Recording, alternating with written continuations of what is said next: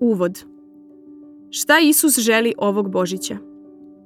Oče, hoću da oni koje si mi dao budu sa mnom tamo gde sam ja i da gledaju moju slavu koju si mi dao jer si me voleo pre postanka sveta. Jovan 17, 24 Šta Isus želi ovog Božića? Odgovor nalazimo u njegovim molitvama, gledajući šta je tražio od Boga. Jovan 17 je njegova najduža molitva, a vrhunac njegove želje zabeležen je u 24. stihu. Među svim nedostojnim grešnicima sveta nalaze se i oni koje je Bog dao Isusu. To su ljudi koje je Bog privukao sinu. To su hrišćani, ljudi koji su primili Isusa kao raspetog i vaskrslog spasitelja i gospoda i kao blago svog života. Isus je rekao da želi da oni budu s njim. Ljudi ponekad kažu kako je Bog stvorio čoveka jer je bio usamljen. Kažu Bog nas je stvorio da bismo bili s njim. Da li se Isus slaže s tim?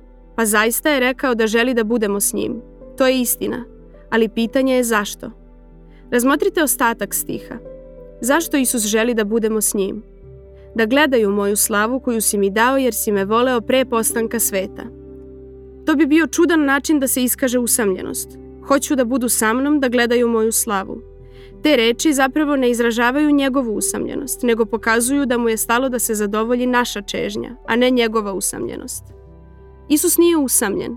On i Otac i Duh su potpuno zadovoljni zajedništvom u trojstvu. Mi imamo goruću potrebu, a ne On. Isus želi da ovog Božića iskusimo upravo ono za što smo i stvoreni, da gledamo njegovu slavu i da u njoj uživamo. O, kad bi Bog učinio da to siđe duboko u naše duše. Isus nas je stvorio da bismo gledali njegovu slavu. Isus je neposredno pre svog odlaska na krst izneo ocu svoje najdublje želje u molitvi.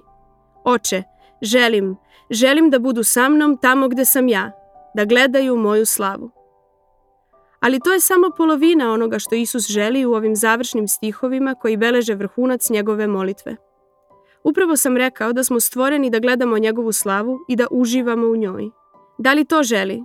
Ne samo da gledamo njegovu slavu, nego i da u njoj uživamo, da se njome sladimo i oduševljavamo, da je cenimo i volimo. Razmotrite poslednji, 26. stih.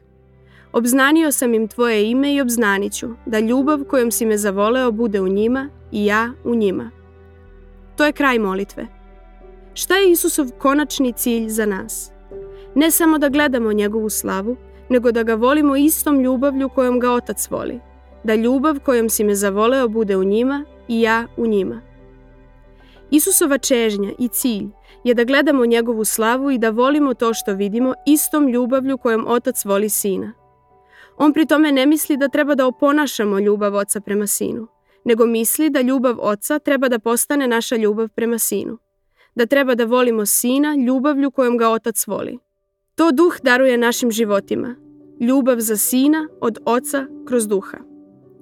Isus ovog Božića najviše želi da se njegovi izabrani okupe i da dobiju ono što oni najviše žele, da vide njegovu slavu i da uživaju u njoj istim užitkom kojim otac uživa u sinu. Ja ovog Božića pre svega želim da s vama i s mnogim drugima posmatram Hrista u svoj njegovoj punini i želim da ga svi volimo ljubavlju koja je daleko veća od naše uobičajene ljudske ljubavi, kojom i u punom kapacitetu volimo samo s pola srca. To je cilj koji želimo da postignemo ovim adventnim tekstovima za ličnu pobožnost. Želimo zajedno da gledamo Isusa, čiji prvi advent, to je dolazak, slavimo, i čiji drugi advent očekujemo, i želimo da uživamo u njemu. Ovako se Isus moli za nas ovog Božića. Oče, pokaži im moju slavu i daj im da uživaju u meni baš kao ti. O neka Bog učini da vidimo Hrista Božijim očima i da uživamo u njemu Božijim srcem. To je suština neba. To je dar radi kog je Hristos došao, da ga kupi za grešnike po cenu svoje smrti umesto nas.